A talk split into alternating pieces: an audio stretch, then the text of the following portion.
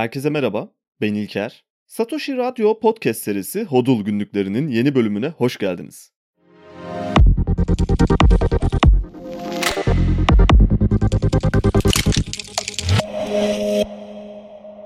Bitcoin'in kısa tarihi boyunca sanırım belki binlerce defa artık Bitcoin öldü başlıkları atıldı. Ölümü bu kadar dikkat çekici olan ve sürekli ölüp ölüp yeniden dirilen başka bir şey daha var mı bilmiyorum ama örnek olarak altın artık öldü gibi başlıkları pek göremiyoruz nedense. Ya da kağıt paralar öldü gibi başlıklar mesela hiç atılmıyor. Halbuki çok yakından şahitlik ettiğimiz şeylerden biri. Kağıt paraların ölümü. Belki bir gün hatta ileride eğer fırsat bulursak günümüze kadar ulaşamayan ve ölen, gömülmüş olan kağıt paralar üzerine bir bölüm yapabiliriz diye düşünüyorum. Oldukça da eğlenceli bir bölüm olacaktır bir bakış açısından baktığımızda. Madalyonun diğer yüzünden baktığımızdaysa oldukça üzücü bir durum aslında. Tabii böyle şeyler genellikle politika yapıcılar tarafından süslü sözlerle anlatılıyor. Aynı George Orwell'in romanındaki gibi bir çift düşün deneyi uygulanıyor gibi görüyorum ben. Olumsuz kelimeler yerine olumlu kelimeler yerleştirilip anlam ve düşünce biçimi tamamen değiştiriliyor. Tabii başlangıçta hemen böyle derin konuların içine dalmayalım isterseniz. Biraz daha sistematik bir şekilde ilerleyelim. O yüzden önce birkaç tanım yaparak başlamak istiyorum. Bitcoin tüm bunların hiçbirini umursamıyor. Çünkü o bir bal porsuğu. Eğer bir canlı olsaydı veya bir hayvan olsaydı. Bal porsukları bildiğiniz gibi çok küçük ve dikkat çekmeyen hayvanlar olarak görünüyor ilk bakışta. Tehdit edici bir cüssesi yok. Hatta biraz yakından bakarsanız da ''Aa bu ne kadar sevimli bir şeymiş'' gibi bir tehlikeli düşünceye de kapılabilirsiniz. Yalnız bal porsukları göründükleri kadar sevimli ve uysal hayvanlar değiller. Kimsenin cesaret edemeyeceği şeyleri yapabiliyorlar. Bir arı kovanına girip binlerce arı tarafından sokulurken hiç umursamadan bal peteklerini yemeye devam edebiliyorlar. Ya da bir kobra yılanını bir ağacın tepesine kadar kovalayabiliyorlar. Sonra yakalayıp onu da yiyorlar. Zehirlendiklerinde kısa bir baygınlık geçirip öldürdükleri yılanın yanı başında sadece bir güzellik uykusuna dalıyorlar ve birkaç saat içinde vücutlarının zehir toksinlerine karşı savaşı kazanmasıyla hiçbir şey olmamış gibi uyanıyorlar ve yarım bıraktıkları yılanı yemeye devam edebiliyorlar. 3-4 tane aslan tarafından köşeye sıkıştırıldıklarında geri adım atmıyorlar. Hatta aslanları kovalayarak uzaklaştırıyorlar saatler süren bir mücadelenin sonunda. Hiç yorulmuyorlar, bıkmıyorlar, usanmıyorlar. Gördükleri her şeyi bir av olarak değerlendirebiliyorlar. Hiçbir şeyden korkuları yok. Şimdi böyle düşününce Bitcoin içinde finansal piyasaların bal porsu diyebiliriz sanırım. Aynı bir arı kovanına giren yeni ve pek ilk bakışta umursanmayan bir düşman olarak görüldü klasik ekonomi sistemi içinde. Aynı o arıların yaptığı gibi, o iğneler gibi binlerce makale yazıldı hakkında. Bitcoin artık öldü diye. Bitcoin neden başarısız olacak diye veya yine nasıl yok olacağını tarif eden birçok önemli medya organında kampanyalar yapıldı. 14 yıldır Bitcoin tüm bunların hiçbirini umursamadan Zaman zaman biraz baygın düşerek ve yine bazen artık tamam buradan dönmez gibi izlenimler bırakarak aslında hiçbir şeyi umursamadan çalışmaya ve blokları üretmeye devam ediyor. İşte biz de bugün tüm bu kötü koşullara rağmen sürekli dezavantajlı bir pozisyona sokulmak istenmesine rağmen Bitcoin neden ölmüyor diye soracağız ve hep birlikte bunun cevaplarını bulmaya çalışacağız. Bana kalırsa Bitcoin'in neden ölmediğini anlamak için hatta yüksek ihtimalle bundan sonrasında da niçin ölmeyeceğini anlamak için önce Bitcoin neden ve nasıl çalışıyor bunu daha iyi anlamamız gerektiğini düşünüyorum. Ve neden çalışıyor sorusuyla başlayalım isterseniz. Paranın kimliksiz olma fikri üzerinde durmamız gerekiyor biraz aslında. Neden çalıştığını anlamak için. Bugünlerde pek göz önünde olmayan bir fikir ama içten içe hepimizin hayatlarını etkileyen bir şey anonimlik. Bu bir tercih olmalı. Fakat günümüzde artık neredeyse böyle bir tercih yapmamızın pek bir yolu yok. Çok fazla paranoyak düşüncelere kapılmamak gerekiyor ama yine de bir nebze de olsa insanların biraz rahat bırakılması gerektiğini düşünüyorum. Özgürlükle de çok bağlantılı bir şey anonimlik ayrıca. Ya da biz bu bağlantıyı sağlıyoruz demek daha doğru da olabilir. Şöyle düşünelim. Bugün kim olduğunuz bilinmese, kimliğinizin tespiti mümkün olmasa ve düşündüğünüz şeyler için, düşüncelerinizi aktaracağınız fikirler için, herhangi bir yargılamaya veya tehdide direkt olarak maruz kalmayacağınız ütopik bir simülasyon düşünürsek, şu anda davrandığınız gibi mi davranmaya devam ederdiniz? Yoksa fikirleriniz ki bunlar yanlış da olabilir Otoriteyi sorgulayıcı da olabilir veya bambaşka bir konsepte olabilir. İşte bu fikirlerinizi açıkça söylemekten, paylaşmaktan çekinir miydiniz ya da?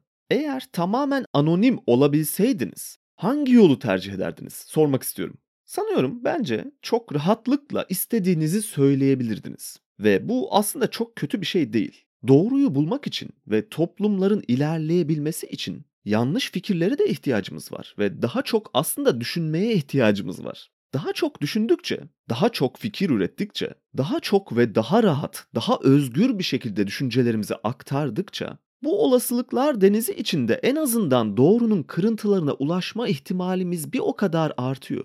Yani gerçeğe ve doğruya ulaşmak için aslında en başında özgürlük sahibi olmamız gerekiyor. Bu temel bir şart bana göre. Zaten otoriter yapılar aradaki bu bağlantıyı koparabildikleri için ve insanların kendini bir baskı altında hissetmesini sağlayabildikleri için toplumlar gelişmiyor. Ve böylece otorite otoriterliğini sağlamlaştırmış oluyor. Bu problemi çözmek için birçok fikir üretildi. Zaman zaman değiniyoruz onlara da. Sosyalizm, kapitalizm, demokrasiler veya monarşiler işte tam olarak bu problem yüzünden hepsi deneysel bir fikir olarak hayata geçirildi. Tabii konunun bu kısmını dallandırıp budaklandırmayalım çünkü şu anda girdiğimiz alt başlıktan çıkmazsak konumuzun ana temelinden biraz uzaklaşmış olabiliriz. O yüzden kimliksizlik kısmına tekrar geri dönelim biz. Benim ben olduğumu kanıtlamak için bir otorite ihtiyacı ortaya çıkıyor. Birinin benim ben olduğumu ispatlayabilmem için daha öncesinde evet onun o olduğunu onaylıyorum demiş olması gerekiyor. Kimlikler ve pasaportlar buna en güzel örneklerden biri. Hatta pasaportlar işin daha da aşağılayıcı bir kısmı. Pek farkında olmasak da.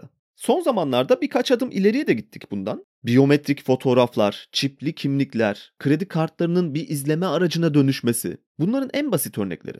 Uzun bir süre çipli kimlik kullanmayı reddettim ama bir noktada birçok şeye maruz bırakılabiliyorsunuz. Ve ben de mecburen kimliğimi yenilemek durumunda kaldım. Her geçen gün zaten yeterince daralan özgürlük alanlarımızdan parça parça kopartılan bazı haklarımızı sürekli bir yerlere teslim etmek zorunda bırakılıyoruz. Ve tüm bunlar toplumun iyiliği için gibi ulvi bir amaca hizmet ettiği yönünde bize dayatılıyor. İkna olmamız bekleniyor. Aslında ikna olmamız da beklenmiyor. Bu yanlış bir çıkarım olur. Kabul etmemiz ve boyun eğmemiz isteniyor.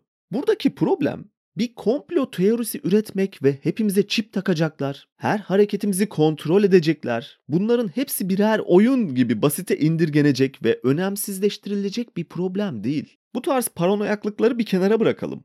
Kimsenin hepimizi izleyecek kadar vakti yok. En azından şimdilik. Yapay zeka bu alanda yeterince gelişinceye kadar. Şu anda güvende sayılırız bir nebzede olsa. Ve yine problem bu da değil aslında. Tüm bunların bir tercih olmaktan çıkması aslında. Problem burada başlıyor. Bu tarz şeyleri reddettiğiniz anda toplumla ve çevreyle bağlantınız kesiliyor.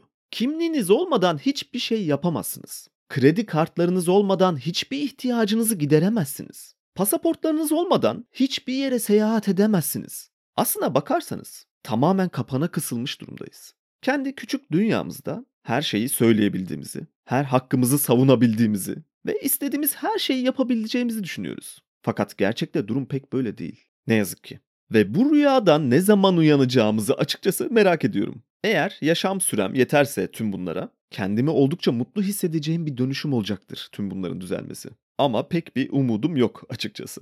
Örnek olarak bugün bir otel odası kiralamak istediğinizde otoritenin size vermiş olduğu yetkiye dayanarak bunu yapabilirsiniz. Ülke dışına bile değil, şehirler arası seyahat etmek bile istediğinizde bu seyahati birilerinin onaylaması gerekiyor. Toplu ulaşım yöntemleri kullanmasanız bile kişisel aracınızla seyahat etmek istediğinizde ülke sınırlarını geçmeyi bile bir kenara bırakıyorum. Şehir sınırlarına geldiğinizde mutlaka bir GBT kontrolünden geçmeniz gerekiyor. Ve oradaki memurlara hiç farkında bile olmadan hayırlı görevler memur bey diye veriyorsunuz bir ağız alışkanlığı olarak. Senin oradan gelip geçmeni onayladığı için ona teşekkür ediyorsunuz. Güler yüzlü bir şekilde. Sizi bilmem ama tüm bunlar benim için büyük bir problem. Ve yine tüm bunlar Bitcoin neden var sorusunun cevabı aslında.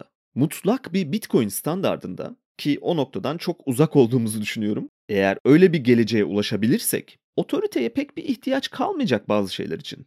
Birçok şey için.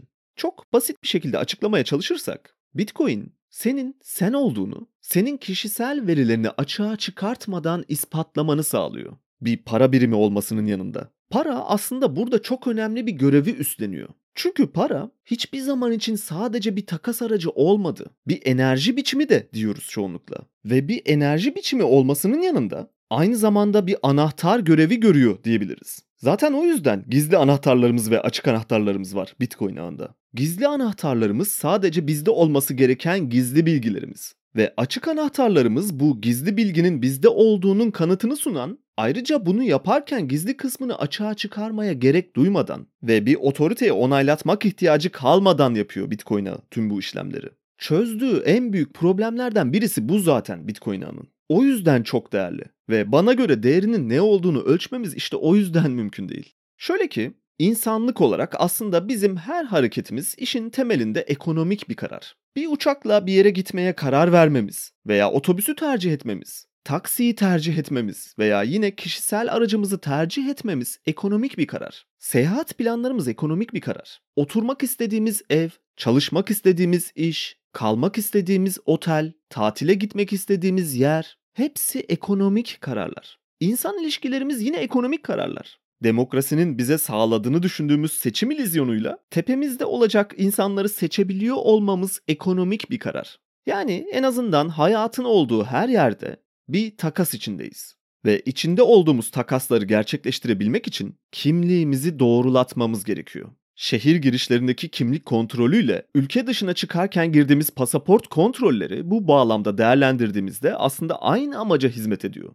Oy kullanırken yine benzer bir şey var. Buradaki girdiğimiz takas ekonomik kararlarımızın neticesinde bulunduğumuz konumu değiştirebilmek için otoritenin onayına karşılık anonim kalma hakkımızı teslim etmekten geçiyor. Yaptığımız takas bu yani eğer basite indirgersek. İşte Bitcoin bu problemi çözüyor dedik zaten. Kimliğimizi ve kendimizi ispat etme gerekliliğini ortadan kaldıran bir özgürlük aracı aslında Bitcoin temel olarak baktığımızda.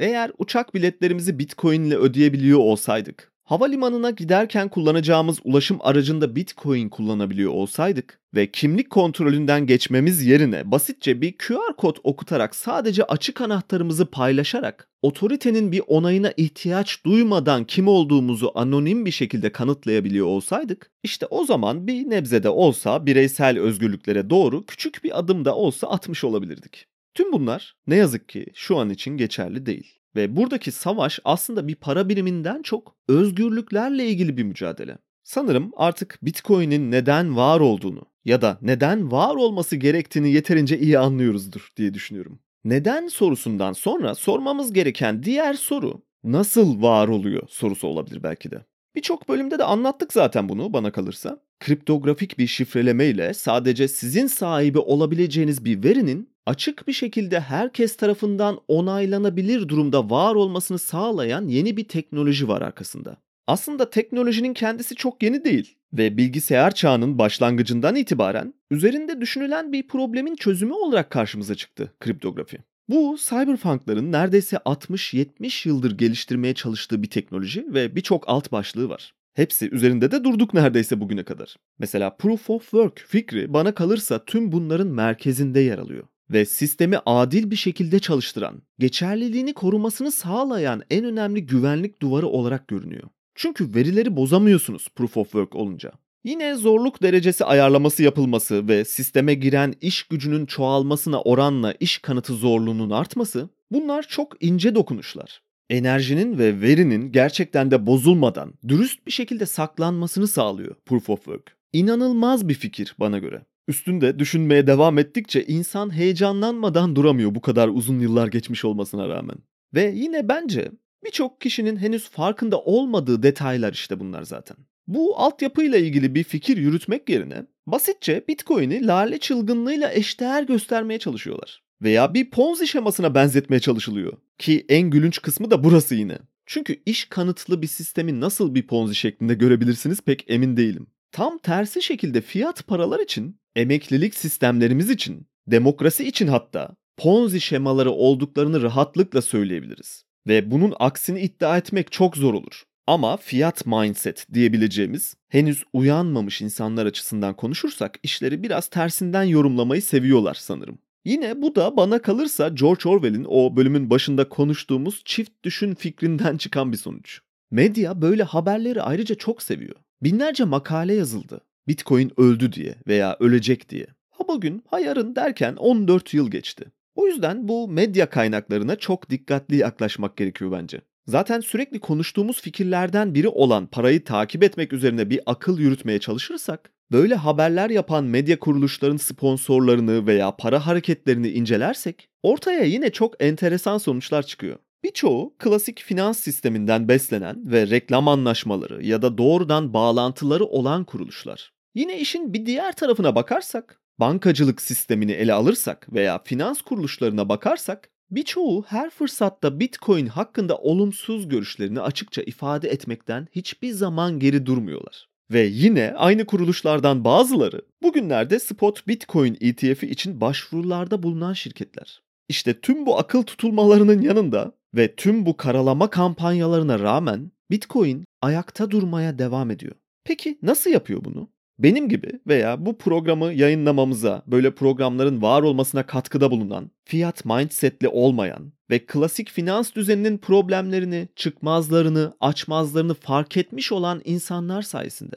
Aslına bakarsanız Bitcoin'in herhangi bir pazarlama departmanı yok. Bir CEO'su yok. Merkez ofisi yok. Reklam bütçesi veya sponsorları, politik ilişkileri, devletlerle anlaşmalar gibi organik bağları yok. İşte tüm bunların olmaması pek farkında değiliz ama onu bir hedef olmaktan çıkartıyor. Hedef tahtasına koyulabilecek zayıf bir noktası yok Bitcoin'in. Ve nasıl sorusunun kısa cevabı olarak bu şekilde var olabiliyor Bitcoin diyebiliriz. Satoshi Nakamoto'nun kayıplara karışması ve geri çekilmesi, kendini projeden azat etmesi, tesadüf veya öylesine alınmış bir karar değildi. Bitcoin'in var olabilmesi için zorunlu bir hamleydi. O yüzden bugün belki yüz binlerce kişi sadece Bitcoin'in başarılı olabilmesi için karşılığında pek bir şey beklemeden gönüllü bir şekilde çalışıyorlar. Elbette herkesin kişisel çıkarları da var. İşin içine para girdiğinde çıkarlar belki de otomatik olarak devreye giriyor. Ama buradaki olay biraz daha farklı. Yüzyıllardır çözülemeyen belki de en büyük problemlerimizden biri olan oyun teorisini baştan kuruyor Bitcoin.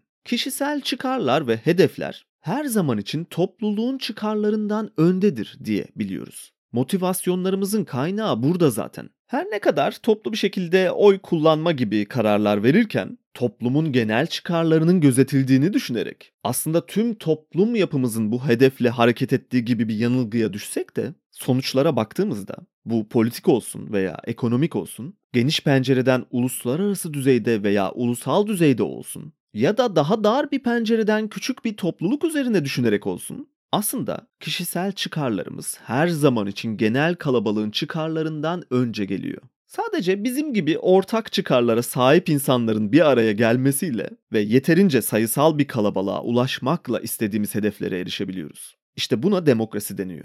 Ve bu çözülemez bir problem gibi görünüyordu aslında. Politikacılar da zaten tam olarak işte bu yaraya basarak oy topluyorlar. Para bu amaçla kullanılıyor yine. Devlet bütçeleri bu şekilde ortak amaçlara hizmet ediliyor görünümüyle kullanılıyor. Yine de sonuçlara bakmak bence gerçekte olan şeyi gösteren tek veri elimizdeki. Ve sonuçlara baktığımızda bizim çıkarlarımızın toplumsal çıkarlar olduğunu düşünmemize rağmen toplumsal uygulamaların bizim çıkarımıza uygulanmadığını görüyoruz. Ve burada da bir paradoks var. İşte Bitcoin evangelistleri diye tabir edebileceğimiz kullanımını ve kabulünü yaygınlaştırmaya çalışan insanlar aynı şeyleri yapıyor yine. Fakat tek bir farkla. Kişisel çıkarları eğer kabul edilirse toplum tarafından aynı şekilde herkesin ortak çıkarı ve ortak faydasına dönüşecek bir şekilde formüle edilmiş durumda. Bitcoin'in ölmemesi yani kullanımının yaygınlaşması herkesin ortak çıkarına ve elbette burada erken pozisyon alanların oransal olarak çok daha büyük elde edecekleri bir fayda var. Ama bu adil bir paylaşım yöntemi. Herkes adil olarak faydalanacak bundan, eşit olarak değil. Ve bu yine çok önemli bir detay. Burada eşitlik problemlerimize girerek konudan çok fazla uzaklaşmayalım bence yine de. Çünkü o kısım çok uzun bir konu olur ve burada şu an ona ayıracak kadar vaktimiz olduğundan emin değilim. O yüzden burada bu alt başlığı kesersek nasıl sorusunun cevabını sanırım temel olarak aldığımızı düşünüyorum. Yani Bitcoin'in neden ve nasıl var olduğu sorularına cevap vermiş olduk şu ana kadar. Bu aynı zamanda neden ölmediğini de kısaca açıklamış oluyor aslında. Fakat devam edelim. Henüz burada bitmiyor çünkü mesele.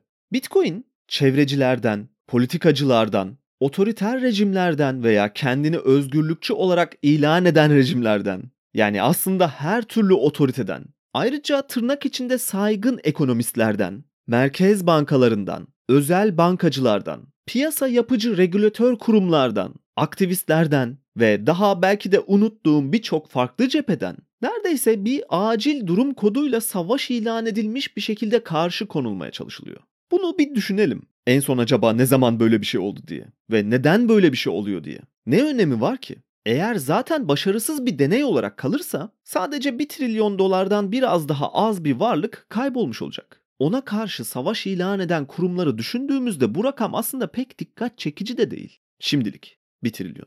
Buradaki problem Bitcoin'in başarısız olmasında ortaya çıkacak kayıplarla ilgili değil aslında. Kaldı ki her gün zamansız bir saat gibi tik tak vurarak çalışmaya devam etmesi ve geri kalan hiçbir şeyi umursamaması aslında zaten başarılı olduğunu gösteriyor ama şimdilik bu düşünceyi bir kenara bırakalım. Fiyat mindset ile bakanların başarı kriterlerine göre değerlendirildiğinde Bitcoin'in ortadan bir türlü kaybolmaması ve her gün çalışmaya devam etmesi önemsiz bir şeymiş gibi aslında bütün problem Bitcoin piyasa büyüklüğünün çok daha yüksek rakamlara çıkması ve sırayla birçok marketi büyüklük olarak geçmeye başlaması. Asıl problemler buradan itibaren başlayacak. Altın piyasasını geçmesi, gelişmiş ülkelerin büyüklüğünü aşması, tahvil piyasalarını geçmesi, konut balonu piyasasını süpürmesi gibi bazı eşik noktaları var yol haritasında. Bitcoin şu anda yıllık %140'a yakın bir oranda piyasa büyüklüğünü arttırıyor ve bu 10 yıldan fazla bir süredir tutturulan bir ortalama. Daha önce böyle bir varlık sınıfıyla karşılaşmadık. Altın son 10 yılda ortalama olarak %1 civarında değerleniyor ve Bitcoin'e en yakın benzeştirilen varlık sınıfı da o olarak görünüyor. Bu açıdan bakarsak eğer bir besin zinciri piramidinde tüm varlık sınıflarını değerlendirirsek aslında Bitcoin bir bal porsuğu desek de bu besin zincirinin tepesinde oturan en yırtıcı hayvan. Apex Predator, Michael Saylor'ın da dediği gibi. İşte o yüzden problem zaten adaptasyon eğrisi, büyüme eğrisi. Problem başarısız olma ihtimalinde ortaya çıkacak sonuçlar için değil ki bununla ilgilenmiyorlar. Problem başarılı olma ihtimali karşısında düşecekleri durumla alakalı kısaca. Ve o yüzden Bitcoin ölmeli. Bu başlık sürekli olarak tekrar tekrar atılmalı ta ki gerçekleşene kadar. Bu aslında fiyat mindset'in en önemli kozlarından birisi. Kendi kendini gerçekleştiren kehanetlerle hoşlarına gitmeyen bir şeyi kontrol altında tutmak veya yok etmek. Fiyat, para dünyasında her zaman için çalışan bir yaklaşım. Eğer yeterince kaldıraç ve yükümlülük altında olan herhangi bir yapıya gerçek dışı olumsuz kehanetlerle yaklaşırsanız ve bu kehanetinizi yeterince iyi yayabilirseniz sonunda tahminlerinizin gerçekleştiğini görebiliyorsunuz fiyat para dünyasında. Firmalar bu şekilde iflas ediyorlar reel olarak. Aynı şekilde bankalarda. Bank run dediğimiz kendini gerçekleştiren kehanetin gerçekleşebilmesinin tek yolu yükümlülüklerin karşılanamıyor olması ve bu söylentinin yeterince kulağa yayılabilmesi. Bu bir fiyat mindset. Kağıt paraların temel yaklaşım biçimi. Fakat fark edilmeyen nokta şu. Bitcoin kaldıraçla üretilen veya arkasında %100 değer saklanmayan, zorunlu karşılıkla çalışan, kısacası hokus pokusla çalışan sihirli bir internet parası değil sadece. Bitcoin'i öldürebilmek için bu söylentilerden çok daha fazlası gerekli ve belki de hiçbir seçenek yeterli değil. Pozitif geri beslemeli bir teşvik sistemiyle çalışıyor çünkü. Oyun teorisi olarak bahsettiğimiz bireysel çıkarların topluluk çıkarlarıyla çatışması problemini çözüyor ve herkesi adil, etik olmaya zorluyor. Yani sadece propaganda ile yok edilemeyecek kadar açık bir gerçek var. Ve Bitcoin'e bu açıdan saldırmak, orta çağdaki skolastik düşüncenin, düz dünyacıların aynı Galile'ye saldırmasından neredeyse hiçbir farkı yok. Ayrıca ortada sadece saptırmayla saklanarak kapatılacak kadar basit ve küçük bir gerçek yok. Çok daha fazlası var ve üstünü kapatmak basitçe bir minareye kılıf bulmaktan daha zor. Tam bu noktada varlıkların besin piramidine geri dönersek aslında burada bir evrim teorisi de var parayla ilgili. Sanırım hepimizin kabul edebileceği bir gerçek olarak her zaman için en uyumlu olanın hayatta kaldığı bir doğanın içindeyiz. Ki aynı doğa matematik ve fizik kurallarıyla yönetiyor kimin ayakta kalacağını ve kimin kaybolacağını. Bakış açımızı genişletip zaman ölçeğimizi büyüttüğümüzde binlerce yıllık bir evrim çizelgesini önümüze aldığımızda çok rahatlıkla görebileceğimiz bir şey bu enerji, teknoloji ve veri üzerine konuşurken yine girdiğimiz konulardan biriydi. Nesnelerin ve türümüzün evrimi. İnsanlık olarak her atılımımız arkasına doğanın kanunlarını da alarak yükselen ve karşımıza yenilik olarak çıkan yeni teknolojilerle hep ileriye doğru adım atarak gerçekleşti. Yalnızca en uyumlu fikirler, en sağlam fikirler ayakta kaldı tarih sahnesinde. Bitcoin bu anlamda değerlendirdiğimizde kağıt paraların aksine doğa kanunlarına temellerini dayandıran bir fikir. Matematiği ve fiziği kullanıyor.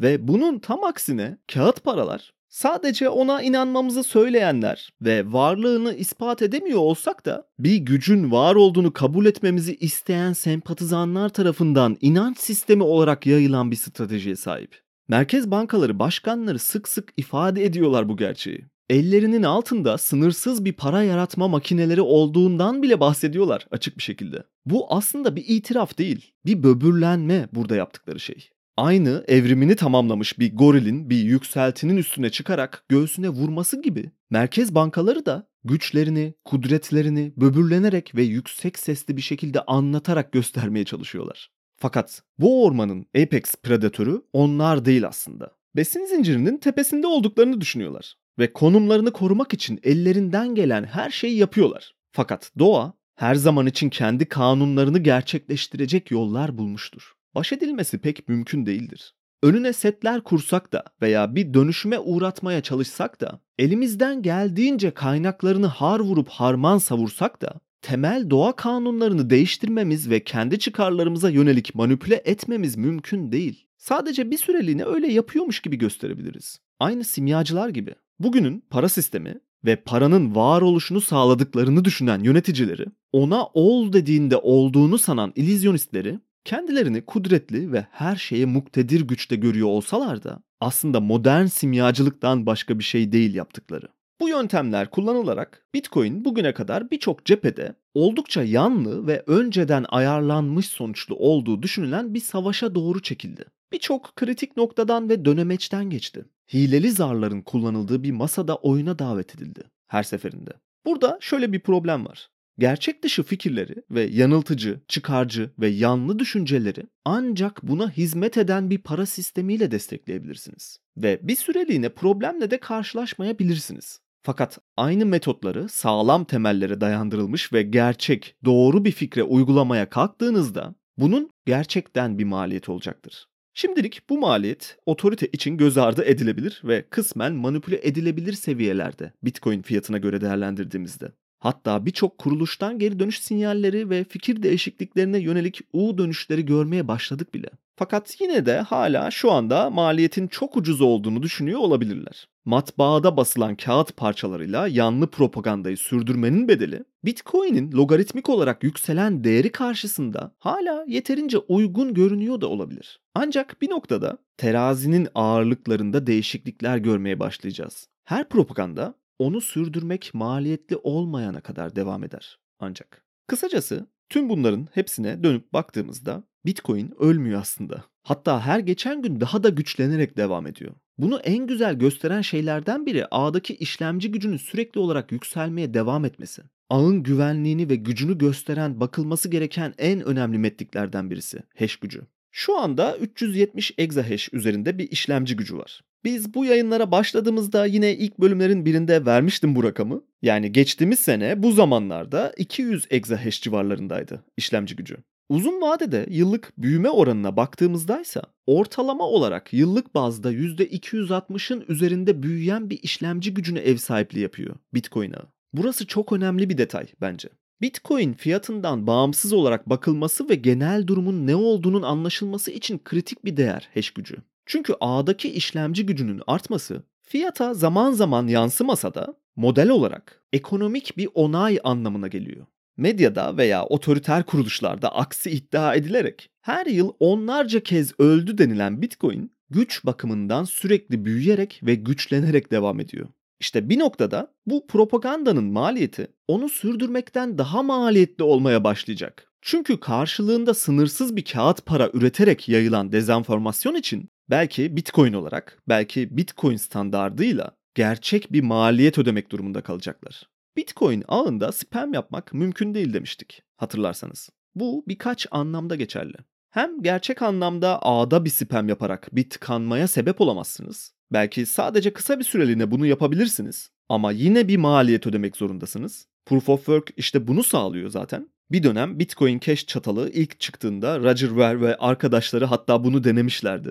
Bitcoin ağı komisyonlarını yani transfer komisyonlarını ağda spam transfer yaparak yükseltmeyi denediler. Blok savaşları döneminde ve başarılı da oldular. Fakat bir süreliğine devam ettirebildiler bunu. Böyle bir şeyi sürdürmek oldukça maliyetli. Çünkü gerçek bir değer ödemeniz gerekiyor karşılığında. Aynı şekilde son dönemlerde mesela ordinaller diye bir şey çıktı. Belki kiminin takip ettiği veya gözüne çarptığı gibi. Ağdaki transferlerin içine JPEG dosyaları ile mesajlar yerleştiren ve aslında ağın hantallığını, bu tarz saldırılara karşı açık olduğunu kanıtlamak isteyen bir grup palyaço tarafından bir süreliğine yine işlem ücretleri yükseltildi ve başarılı olduk dediler. Fakat yine bir süreliğine bunu devam ettirebildiler. Bitcoin dizaynı gereği özgürlükçü bir yapıda ve isteyen herkesin katılabileceği, belki üstüne uygulama geliştirebileceği veya Layer 2 dediğimiz ikincil katman çözümler üretebileceği bir ağ. Kimileri de bu özgürlüğü yanlış anlayarak her şeyi değiştirebileceğini ve Bitcoin'i öldürebileceği gibi bir yanılsamaya kapılabiliyor ve bazı şeyler deniyorlar. Aslında bir bakıma bu denemeler ve başarısızlıklar da gerekli ve bu bir mesaj veriyor. Bugünlerde BlackRock'ın da almaya başladığı bir mesaj bu. Sen Bitcoin'i değiştiremezsin. Bitcoin seni değiştirir. Son zamanlarda Bitcoin öldü, Bitcoin ölüyor şeklinde başlıkların frekans olarak biraz azalarak kaybolduğuna şahitlik etsek de her zaman ilk fırsatta öne sürülen bir fikir bu. Mt. Gox borsasının kapanmasındaki kaotik ortamda her gün bu başlıklar atılıyordu. Blok savaşlarında ortalık toz duman halindeydi ve yine sürekli gündemde olan bir konuydu bu. Covid krizindeki çöküşte benzer şeyleri gördük tekrardan. Çin'in tüm madencileri yasaklaması ve ülke dışına atması ki o dönem Bitcoin'in arkasındaki işlemci gücünün yanlış hatırlamıyorsam %30 civarı Çin'den geliyordu ve orada bir yoğunlaşma vardı ucuz enerjiden dolayı. İşte o fişleri çekilen madencilerin ardından yine Bitcoin artık toparlayamaz denildi. Fakat kısa bir sürede şahit olduk ki aynı madenciler dünyanın çeşitli lokasyonlarına dağılarak tekrar sinyal vermeye başladılar. Bitcoin ağı kısa bir sürede toparlandı ve eski işlemci gücüne ulaştı birkaç ay içinde. Yani aslında öyle kolay kolay yok edilebilecek bir şey değil bu. Bugün Amerika böyle bir şey yapması pek söz konusu değil ama aynı Çin gibi madencileri yasaklamak isterse bu sefer herkes yine fişlerini çeker. Dünyanın bambaşka bir yerine giderek tekrar fişleri takar ve kaldıkları yerden devam ederler. Ve bunu durdurmanın hiçbir yolu yok. Yani bu ağ fiziksel olarak, dijital olarak veya ekonomik model anlamında teorik olarak saldırmanın ve yok etmenin, öldürmenin hiçbir yolu yok. İşte bu yavaş yavaş fark edilmeye başlanıyor. Medyada da bu dönüşümü görmeye başlayacağız. Hatta başladık bile. Örneğin 2023 yılı için çok önemli medya kuruluşlarında artık Bitcoin öldü gibi demode haberler yer bulmamaya başladı. Ve bu bence dikkat çekici. Peter Schiff ve Charlie Munger gibi bunakları saymazsak çok önemli isimlerden de artık pek bir şeyler duymamaya başladık. Jamie Dimon bile kendini çok komik durumlara düşürdüğünü fark etmiş olabilir artık belki de. O yüzden ben bu dönemi özellikle içinde bulunduğumuz son birkaç yılı akümüle dönemi olarak değerlendiriyorum. Ve bence herkesin buna uygun hareket etmesi gerekiyor. Çünkü bu haberler yayılırken ve dezenformasyon yapılırken bu tarz kuruluşlar ya da fonlar çıkıp olumsuz açıklamalarda bulunurken tüm bunları sanki yapmıyormuş gibi eş zamanlı olarak Bitcoin akümülasyonuna girdiler bile ve toplayabildikleri en uygun fiyatlardan toplamak için ellerinden geleni yapıyorlar. Bunun farkında olup buna uygun hareket etmek gerekiyor. Sanırım Bitcoin'in bu kısa ve olaylı tarihini şu şekilde özetleyebiliriz. Önce seni görmezden gelirler. Sonra alay ederler. Sonra seninle savaşırlar ve sonra sen kazanırsın. Yeni şeyler söylenedik. Bu haftalık hodul günlüklerinin sonuna geldik. Satoshi Radyo ve Satoshi TV hesapları üzerinden programı takip etmeyi ve beğendiyseniz paylaşmayı unutmayın lütfen. Ayrıca bildirimleri açarsanız birbirinden farklı içeriklerden daha verimli bir şekilde haberdar olabilirsiniz. Bir sonraki bölümde görüşmek üzere.